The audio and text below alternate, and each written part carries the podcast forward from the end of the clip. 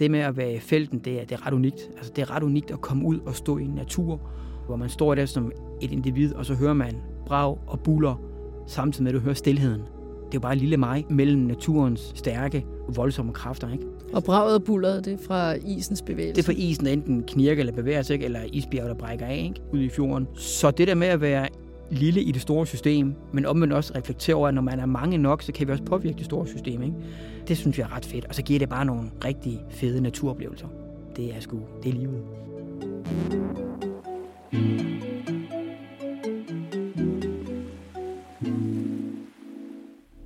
Ved du, hvor vilde opdagelser danske forskere går og gør, mens vi andre går på arbejde, til badminton eller i bad? Det spørger vi dem om i Videnskab fra Vilde Hjerner. Mit navn er Anja Setti Andersen, og jeg er professor i astrofysik og i offentlighedens forståelse for naturvidenskab. I denne podcast præsenterer jeg derfor lyttere som dig for nogle af de spændende forskningsprojekter, som videnskabsfolk arbejder med lige nu, og ikke kun inden for naturvidenskab. Nu er vi er i gang. Min medvært er redaktør Mette Holbæk. Hendes opgave er blandt andet at sørge for, at det ikke bliver alt for indforstået, når der er to nørder i samme rum. Velkommen til Videnskab fra Vilde Hjerner.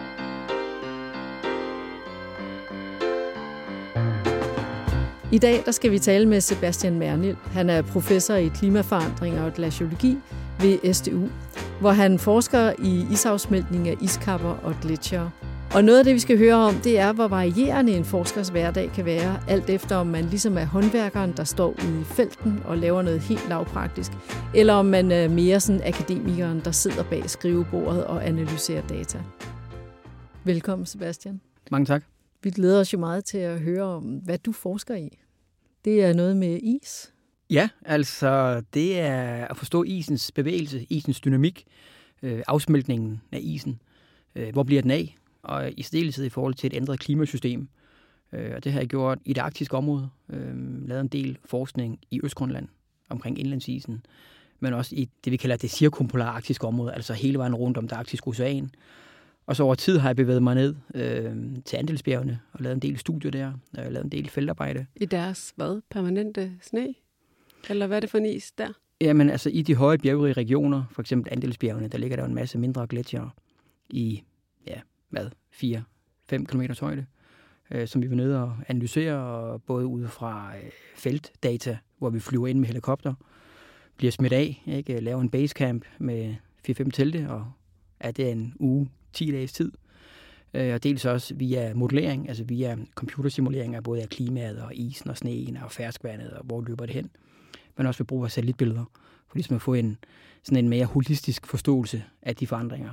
Øh, satellitbillederne kan tages tilbage i tid, modellerne kan også tages tilbage i tid, men den bruger vi til at køre frem i tid primært med, ikke? for at få en, en nogenlunde forståelse af, hvad der vil ske øh, med isen og sneen og ferskvandet i et øh, ændret klimasystem.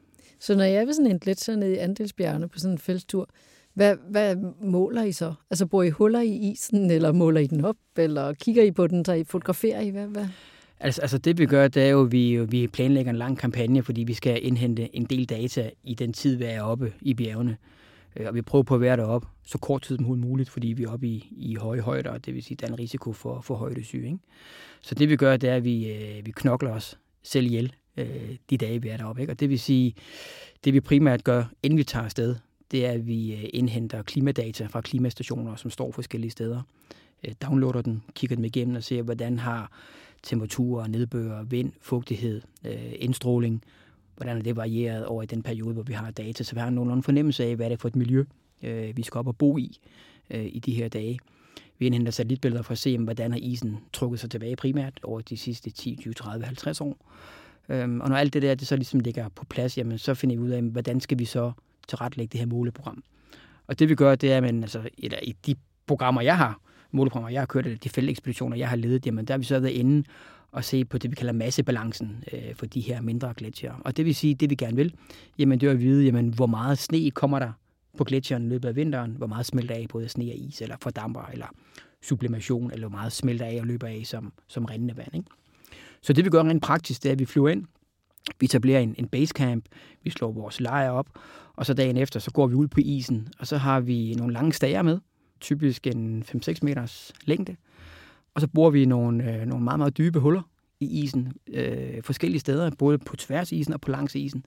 Så vi både får sådan det, hvad skal man kalde det, et profil på tværs for at se, man, hvordan varierer øh, afsmeltningen eller snepålejringen i bestemte højder. Sne hvad?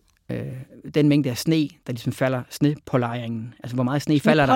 Ja, ja. Hvor meget falder der øh, af sne øh, i løbet af en vintersæson? Hvor meget blæser fra et område til et andet? Og så måler vi så også, hvor meget der så smelter af i løbet af sommeren. Og det gør vi jo så ved hjælp af de her stager. Øh, når det er på den sydlige halvkugle, jamen, så slutter øh, sommersæsonen jo typisk i februar, marts måned. Så det er det, vi flyver ind, bruger de her lange, dybe huller, smider de her stager ned i isen, så de stikker et lille stykke op over. Vi måler afstanden fra isoverfladen og til toppen af den her stage, eller de her stager. Og så kommer vi igen året efter, og så står stagen jo så flere meter højt oppe. Ikke? Og så er det så differencen, vi så kan måle os frem til, og så kan vi så beregne højden, og så gange med isdensiteten. Så har vi jo så en fornemmelse af, hvor meget var så isafsmeltningen på det pågældende punkt. Og det gør vi jo så 20-25 steder på de her gletsjere. Nogle steder, der går vi rundt, øhm, og vi skal jo huske på, at øh, en isoverflade er jo ikke hvid eller glat, som mange tror. Den er jo beskidt, og den er ujævn, og der er små smeltevandssøer, der er dybe krevasser, altså spalter. Ja, det, Som- det kan være farligt, ikke? Man kan falde i Og de man der... skal, være, man, skal, man, man, skal, man skal læse isoverfladen, ikke? fordi vi går jo rundt mange gange ikke? med udstyr, tungt udstyr og rygsæk, ikke? så vi skal ligesom vide, hvor vi, hvor vi træder. Der er også øh, penitentes, og det er jo sådan en høje isflager, der sådan stikker op. Så nogle gange skal man gå zigzag, og så går man rimelig langt bare for at komme et par hundrede meter op på gletsjeren. Det kan være hårdt arbejde, øh, når vi bevæger os rundt øh, med rygsæk og vandrestøvler eller piksko, øh, for den sags skyld. Nogle steder kan vi ikke komme rundt ved at gå, så der charter vi sådan en helikopter, som samler os op, og så flyver vi helt op på den øverste del af gletsjeren. Og så står helikopteren og snorer, mens vi så laver det her arbejde. Og så er det med at arbejde hurtigt, fordi en helikoptertime, den kan være ret, øh, den kan være ret dyr, og det vil sige, der pisker vi rundt for at få boret de her stager ned. Og grund til, at den står og snorer, det er vel, fordi den er for tung til at stå på isen, eller er det fordi, at, Det er, fordi at kan de fryser fast? Ja, det er fordi, vi kan ikke gå fra en stager til en anden stage, fordi det er så øh, uvejsomt Nå, jamen, jeg terræn. tænkte, øh, helikopteren, hvorfor skal den stå? Og... Ja, fordi de må ikke øh, slukke motoren i den tynde luft. Nej. Ah, det er den tynde luft. Ja, Yes. derfor ikke. Og det vil sige, den står der og snorer, og det vil sige, vi løber rundt ikke? og hopper ind og hopper ud. Dit Flyver. arbejde er jo en actionfilm. Altså, man kan sige, at mit arbejde er egentlig todelt. Øhm, når vi er i felten, jamen, så er det, så er det håndværkeren derude, og bore og skrue og måle og veje og tage billeder, ikke? Lave analyser, ikke? Øh, når vi så kommer hjem efter feltarbejde, jamen, så er det jo typisk en, i en vintersæson. Ikke? Og så sidder vi der, og så kommer akademikerhatten på, og så sidder vi så og tolker data og analyserer data, ikke? og prøver på at finde ud af sammenhængen, processer og variationer, og få tingene lagt i regneark, ikke? og begynder så at kigge på data, ikke? få dem skrevet ind i artikler og så fremdeles. Ikke? Så, så man kan sige, at det er sådan et, øh, et todelt job, hvor man er akademiker den ene halvdel af året, og så er man egentlig håndværker den anden halvdel af året. Er der noget, du aktuelt er fokuseret på i det store felt? Altså det, det, som jeg synes, der er interessant nu her, nu har vi jo været forskellige steder i rigtig mange år, altså gentagende gange, ikke? Og noget af det, vi har styr på, det er jo processerne. Det er jo øh, variationer og sammenhængen og følsomhed mellem ændringer i, øh, i temperatur i forhold til afsmeltning af albedoeffekt og så fremdeles. Ikke? Men noget af det, vi nu har fokus på, det er sådan de lidt langsigtede tendenser. Ikke? Og det er jo interessant nu at begynde at kigge ind i dem, og så få en fornemmelse af, hvordan har tingene ændret sig fra et årti og til et andet årti. Ikke? Og det giver os så nogle indikationer på, jamen, hvilken vej har vi bevæget os, og hvor vil vi forventeligt også være om 10, 20 eller 30 år, hvis vel at mærke klimaudfordringen eller vores klimasystem, det arter sig, som vi, som vi forventer, det vil gøre. Er det din egen data, du selv har været med til at indsamle, alt det, du kigger på nu, eller er det også andre, der har været ude og hente de informationer ind? Ja, altså data i andelsbjergene har vi selv indhentet. Så har jeg været med i nogle forskellige øh, hold og teams og forskergrupper, hvor de jo tilbage i 96 startede forskellige måleprogrammer, øh, blandt andet i Østgrønland. Ikke? Og det vil sige, så er det jo så gået i, i arv, kan man sige. Ikke? Og så bruger vi jo så også deres data til ligesom at, at, at tolke på de langsigtede tendenser. Så det vil sige, det er jo et, et hold, der løbende er blevet udskiftet, ikke? hvor vi så har en lidt længere tidsserie, end det vi normalt kan indhente på et fireårigt projekt, for eksempel. Ikke? Og det giver os jo så de muligheder for at kunne se tingene i et lidt længere perspektiv, og dermed også kunne relatere det til, til de klimaforandringer, som vi, øh, som vi ser. Er der nogle steder på jorden, hvor isen ikke smelter? Altså er der nogle steder, hvor, hvor der er iskapper, der bliver større? Ja. Er det helt entydigt, at det bare bliver mindre over det hele? Altså man kan sige, at isen smelter jo altid om sommeren, bare lige for at tage den. Ikke? Ja. Fordi vi får tit skudt i skoene, jamen husk nu på, der er sæsonmæssige variationer. Okay, når det så er sagt, jamen, så er der faktisk øh, steder, hvor, hvor de mindre gletsjer, de også bevæger sig frem. Og vi lavede nogle studier, øh, blandt andet i Østgrønland. Eller vi blev lidt... Man kan sige, at den her gletsjer, vi har målt på nu i adskillige år, eller de her gletsjer, vi har målt på igennem længere tid, ikke også, ikke? det gav sådan lidt en, en interesse eller en sult efter at vide, jamen, hvordan er de, de regionale variationer, når vi kigger øh, på gletsjer. Både i forhold til afstand til havet, deres hældning, deres længde, deres størrelse, deres form. Så vi lavede en del studier, blandt andet ud fra brugen af satellitbilleder, hvor vi kiggede tilbage til 1986 og frem til, til 2015. Så studiet er 5-8 år gammelt. Ikke? Kiggede frem til omkring 2015 for at sige, men hvordan ændrer de her gletsjer sig? Fordi vi gik jo også med en fornemmelse af, at alle gletsjer trækker sig tilbage og bliver mindre i areal og volumen. Men det vi kunne se her, det er, at når vi kiggede ind i Østgrønland, og analyserede øh, til at starte med øh, nogle af 30 gletsjer, så var der cirka 10 procent af de her gletsjer, som egentlig blev større i areal. Og så tænkte vi jo, jamen det, det modstrider jo lidt den her fortælling om, at i et varmere klima, der trækker isen sig tilbage. Ikke? Og hvorfor gør de så det? Jamen det er fordi nogle gletsjer, de ligger jo og er sydvendte. Nogle er østvendte og nordvendte og vestvendte. Ikke? Og det vi kunne se her, det var, at lige præcis de gletsjer, som er nordvendte og vestvendte, der er en skyggeeffekt fra det omkringliggende bjerg eller den bakketop, hvor de så ligger på, på bagsiden af. Og det vil sige, kvæg der er en skyggeeffekt, så er der ikke den her direkte indstråling, og dermed ikke en direkte afsmeltning, for eksempel. Ikke? Og det vil sige, når så sneen blæser hen over bakkekammen og lægger sig på isen eller på gletsjeren, så er der tendens til, at isen den bliver der i længere tid og opbygger gletsjeren stille og roligt år for år for år. Fordi der ikke er den samme afsmeltning, som der er på de sydvendte eller østvendte gletsjer. Ikke? Så det vil sige, at cirka 10 procent af de her gletsjer, de bevæger sig faktisk frem i areal og bliver egentlig større over tid, i modsætning til vores forventning. Så opskalerede vi så det her studie, ikke kun til Østgrønland, men tog faktisk øh, 15 kernelokaliteter eller gletsjerregioner omkring det her arktiske område. Ikke? For at sige, jamen, det vi ser i Sydøstgrønland, er det repræsentativt for, for det vi også ser andre steder.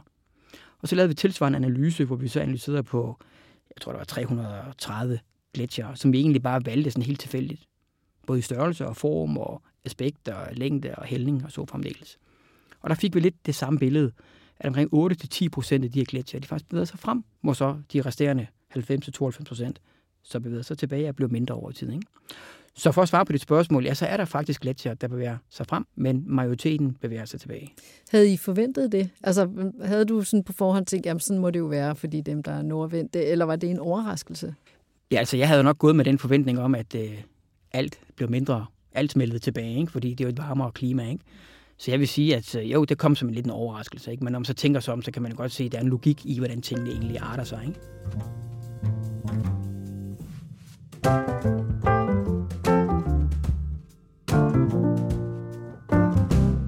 Hvad er perspektiverne i den forskning, Sebastian, udover at vi registrerer det og kan blive alarmeret af det? Altså kan vi bruge øh, viden om præcis, hvordan de gør det til noget, for eksempel?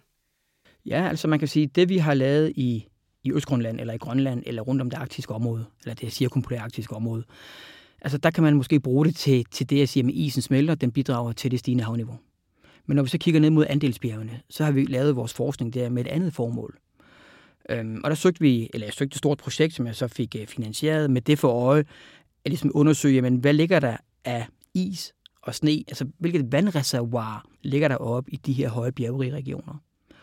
Og hvad er det for nogle tendenser, vi ser i forhold til smeltevand nedstrøms de her høje bjergregioner. Altså en storby som Santiago for eksempel, ikke, i Chile, jamen den er meget afhængig af vejret og klimaet, isen og sneen i de høje andelsbjerge. Ikke? Og det vil sige, når snereservoiret og isreservoiret det bliver mindre over tid, jamen så bliver de udfordret på et tidspunkt over, at de ikke får den mængde smeltevand, de kan bruge enten til elproduktion, til drikkevand, til landbrugsafgrøder eller så fremdeles. Ikke? Og det vil sige, der ligger måske et, ikke måske, der ligger et andet samfundsmæssigt perspektiv i forhold til at kigge på is og sne i det arktiske område. Ikke? det er mere lokalt, og det er mere socioøkonomisk centreret omkring... Ja, fordi de bruger smeltevandet på andre måder. Præcis, de bruger det. Energi, ikke? Og, ikke? og en ja. ting er jo nedbør, der falder, som de også kanaliserer ud i, i vandløb, ikke? men de er meget afhængige i nogle oplande af, ligesom, jamen, hvad er is-smeltebidraget i forhold til den mængde vand, der er brug for, for at kunne opretholde øh, den økonomi og de industrivirksomheder og landbrugsaktiviteterne og så fremdeles. Det er spændende, for det tænker man jo ikke nødvendigvis over, hvis ikke man bor øh, i en region, hvor det er det, det handler om. Nej, det havde jeg i hvert fald ikke øh, tænkt over det. Men, men jeg tænkte på, øhm, i, i din forskning, er der sådan, har der været sådan et eller andet, der har været overraskende? Altså, hvor du har haft en tese om noget, og så gik du ud og målte, eller fandt ud af, det hang helt anderledes sammen? Altså, øh, så, nej, altså, det synes jeg ikke umiddelbart. Altså, jeg synes jo, når vi har, altså, inden vi har taget afsted, har vi prøvet på nogenlunde at forstå, hvordan er processerne forventet, hvad er sammenhængende, hvad er relationen mellem, når der sker et til, til sådan noget andet, det sker, ikke? Øhm, så jeg vil ikke sige, at der er noget, der sådan har overrasket. Måske, måske når det omhandler altså, smeltevandets bevægelse igennem en is, igennem en gletsjer. En ting er, at vi har rimelig godt styr på, hvad der sker på overfladen i forhold til energibalance, ændringer i albedoforhold og energi. Hvad er albedoforhold? Jamen, albedoforholdet, det er forholdet mellem øh, udgående og indgående indstråling. Fra solen? Ja, og det vil sige, det er mængden af energi, der enten bliver reflekteret tilbage til verdensrummet, eller bliver brugt øh, til absorption af energi, altså det vil sige til smeltning, opvarmning eller fordampning for eksempel. Ikke? Så noget, der er hvidt, det har typisk en høj albedo, ja. og noget, der er sort, har en lav albedo. Ja, så når det er hvidt, så er der høj refleksion, og når der er mørkt, så er der stor absorption. Man kan sige, en ting er, at vi har rimelig en god fornemmelse af, hvad sker der på overfladen, hvad sker der med smeltevandet, hvordan bevæger det sig i forhold til gradienter og sprækker og så fremdeles. Ikke? Men der, hvor vi blev, tror jeg, meget, meget klogere, i hvert fald i de studier, vi lavede til at starte med, jamen, det var så smeltevandets bevægelse og vej igennem en gletsjer. Fordi vi kan jo ikke rigtig komme ned og se eller måle eller få syn for sagen. Ikke? Så der lavede vi så nogle, nogle eksperimenter, sådan nogle øh, sporstof eksperimenter, tracers. Ikke? Hvor jeg skulle vi, sige, kan ikke have noget farve i? Eller det gjorde vi netop også. også. Ja, vi hældte øh, både noget rutamin i og noget øh, uranin, som det hedder, ikke?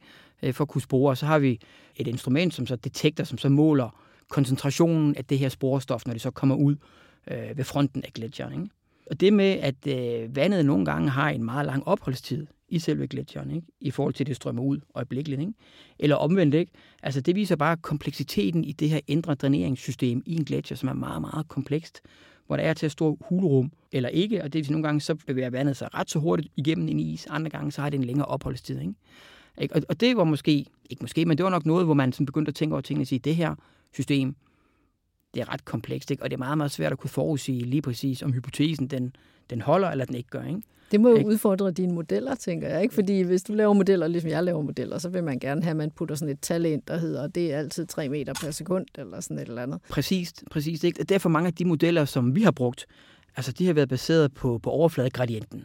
Den kan vi jo måle, både fra satellitbilleder og ved at lave øh, opmålinger på isens overflade. Ikke? Og det er jo bare en, en simplificeret udgave af virkelighedens kompleksitet, som findes inde i det her gletsjersystem, eller det her dræneringssystem. Ikke?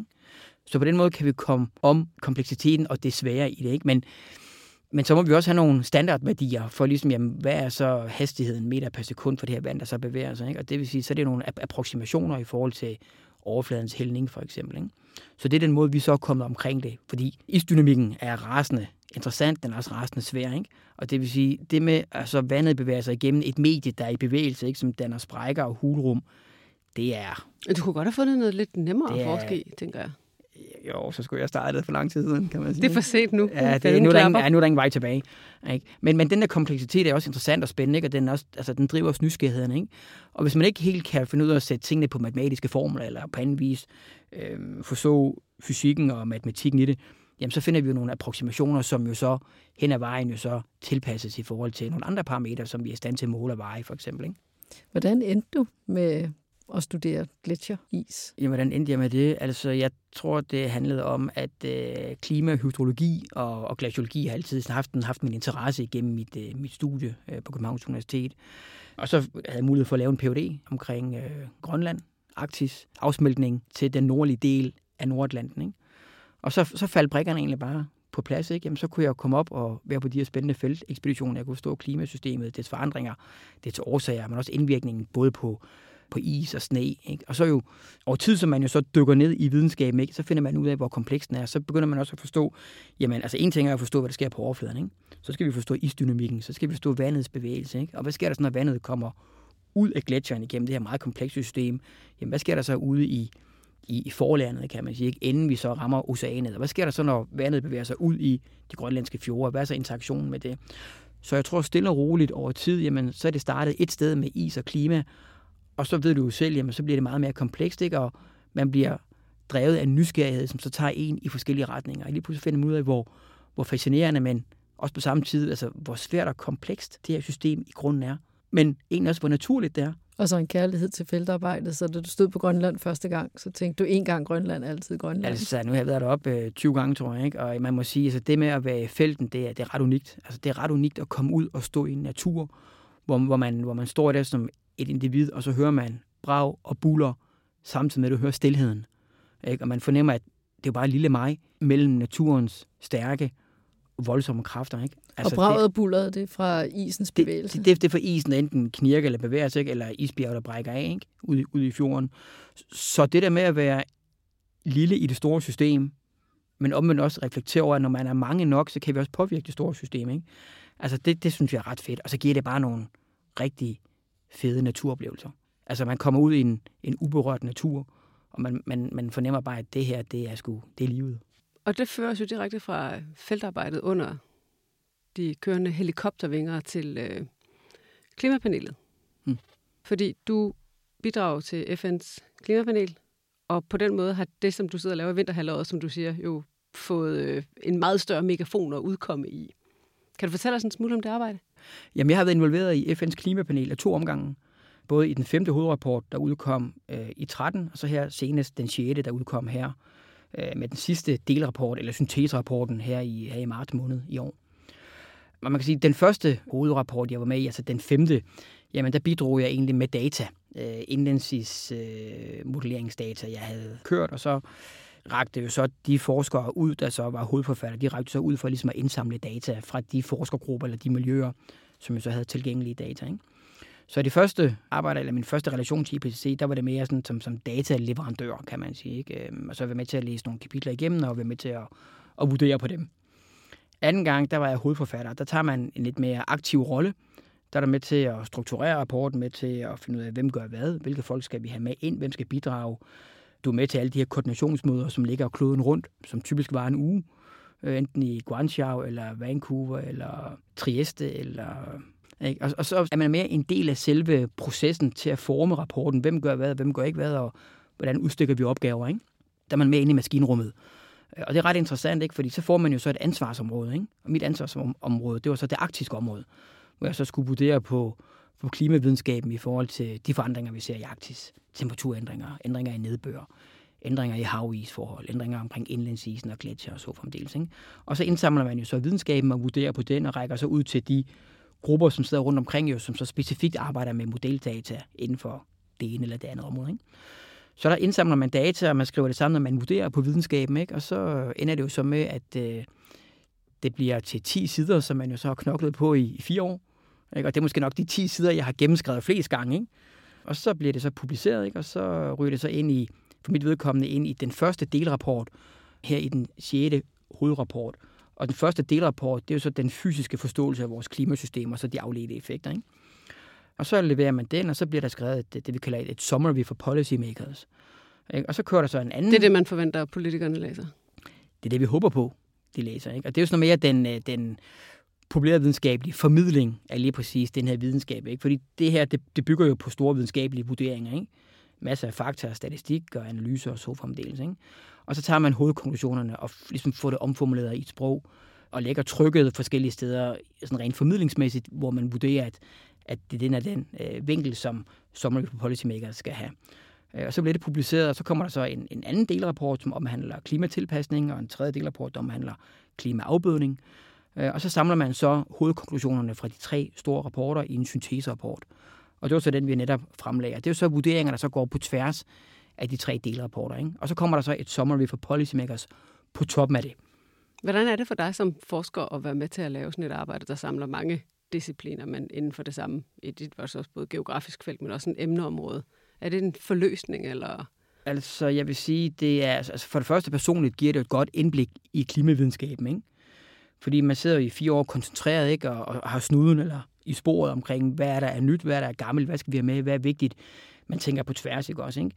Jeg vil også sige, at det giver, et, det giver et godt venskab eller kammeratskab til nogle af de her kollegaer, som man jo så arbejder med, enten fra Brasilien, eller Korea, eller Kina, eller England, eller hvor der er. Ikke? Så det giver et, et netværk af forskere, som man måske ikke ville have mødt, fordi man ikke sidder øh, til dagligt og arbejder med nogen, der sidder og laver noget i Sydamerika eller i Afrika for eksempel, inden for ændringer i det regionale klimasystem. Ikke?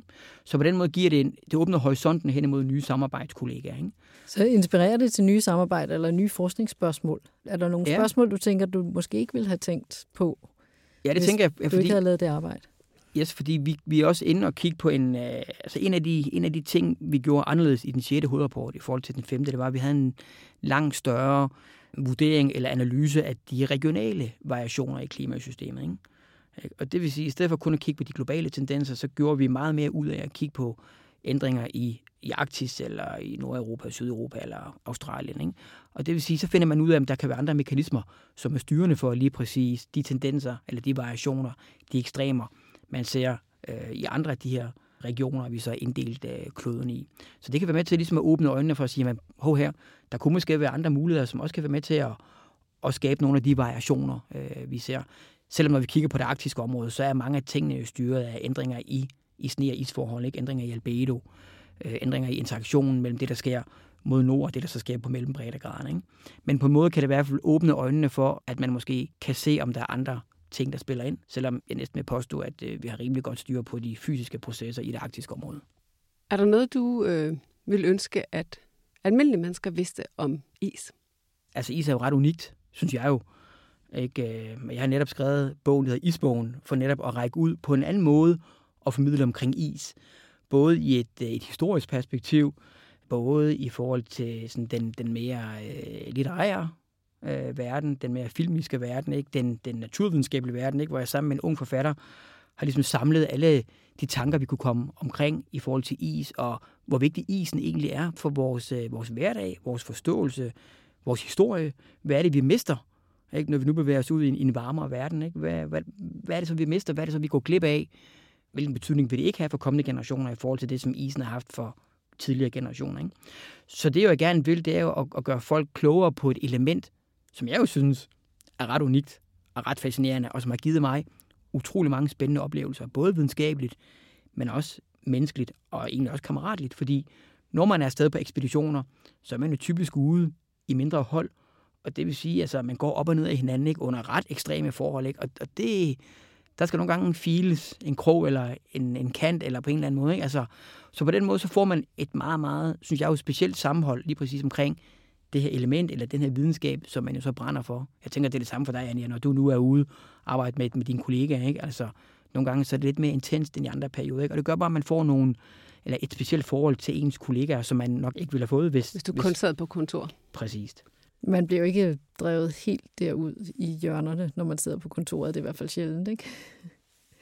Men is er jo også et fantastisk materiale, bare sådan rent, øh, hvad skal man sige, materialemæssigt, mm. fordi det er jo en af de få faste former, som rent faktisk er lettere end den flydende form. Ikke? Det mere, at is ikke falder til bunds, men flyder på overfladen, mm. som jo er vigtigt for, at vi kan være her som organisme. Men øh, hvis du nu skulle tænke sådan stort, hvad kunne du godt tænke dig at nå at finde ud af, inden din forskningskarriere slutter? Er der sådan et eller andet, hvor du tænkte, bare vi kunne nå derhen, eller Ja, altså noget af det, jeg synes, der er ret interessant, eller noget af det, der har haft mit, øh, mit, mit fokus, og jeg er ikke helt af endnu, det er jo, at når vi kigger ind i, og det relaterer sig lidt til de studier, som vi, øh, som vi gjorde i andelsbjergene omkring øh, isen og isens tilbagetrækning i forhold til, hvor meget smeltevand, der ligesom pipler ud af de her områder. Ikke? Vi har sådan en, øh, en fornemmelse af, at når noget bliver varmere, og isen trækker sig tilbage, jamen, så kommer der mere smeltevand ud fra isen. Men på et tidspunkt, så vil tingene jo gøre, at mængden af, af vand, der drøner ud igennem vandløbet, jo aftager over tid der snakker vi om sådan noget, der hedder et tipping point, sådan et runoff tipping point, fordi isen bliver jo mindre og mindre, på et tidspunkt er den væk, samtidig med, at der vil temperaturen jo stadigvæk stige, og det vil sige, der er ikke rigtig noget, der kan blive smeltet mere, fordi det er jo egentlig smeltet bort. Så, så det der med, at vi går fra en, en forståelse af, at jo varmere det bliver, jo mere smelter det, jo mere vand kommer ud, til vi faktisk render hen i et modsat miljø, hvor der forventet vil komme mindre vand ud af vandløbene over tid. Den der forståelse for, jamen, hvor langt ud i tid ligger det her tipping point, altså har vi passeret det nogle steder, så vi faktisk er på en retræte, når det kommer til, til smeltevand i nogle af de her store chilenske floder, eller de her floder, vi ser i Sydamerika for eksempel, ikke? i forhold til den samfundsøkonomiske udvikling. Ikke? Fordi på et tidspunkt, så vil man rende ind i en udfordring, der hedder, jamen, nu har vi ikke mere is beliggende op i det høje bjerge, og hvad gør man så i forhold til den ressourcemangel, som man så ikke har længere tilgængeligt? Ikke? Hvad siger du til din 11-årige datter, du laver på arbejde? Ja, hvad siger jeg til, til Benedikt og Frederik. Jeg siger til, de ved godt, hvad jeg laver, ikke? og vi taler tit om klima. Men, men de får det jo ikke øh, så detaljeret, og de får det ikke serveret på, på den samme måde, som jeg gør, når jeg er ude og formidle klima. Mine børn må gerne vide, at vi har et klimasystem i forandring. De må også gerne vide, hvad det er, vi ser ind i, når vi kigger 10, 20, 30 år frem. Ikke? Men jeg er ikke den, der, der lægger, hvad kan man sige, øh, trykket eller fremsnakker alvoren i lige præcis de her problematikker, vi ser. Fordi det er de får unge til at forstå. De må gerne vide, at vi har en verden i forandring, og far godt kan lide is og sne, ikke? og er tit ofte på ekspeditioner og væk igennem længere tid. Ikke? Og det ved de jo også godt, men, men alvorens karakter, øh, den nedtoner jeg over for mine børn. Tak skal du have, Tusind tak. Selv tak. Du har lyttet til Videnskab fra Vilde Hjerner. En podcast om danske forskeres jagt på forklaringer, svar og løsninger. Lærte du noget spændende? Forstod du noget nyt? Så send podcasten til en nysgerrig ven. Eller del den med alle dine venner. Dit like, dine stjerner og din anbefaling vil få endnu flere til at opdage serien. Og så bliver vi alle sammen klogere. Denne podcast-serie er produceret af Benjamin de Sousa for Niels Bohr Instituttet. Tilrettelagt af Mette Holbæk og mig, Anja Setti Andersen. Videnskab fra Vilde Hjerner er støttet af Novo Nordisk Fonden.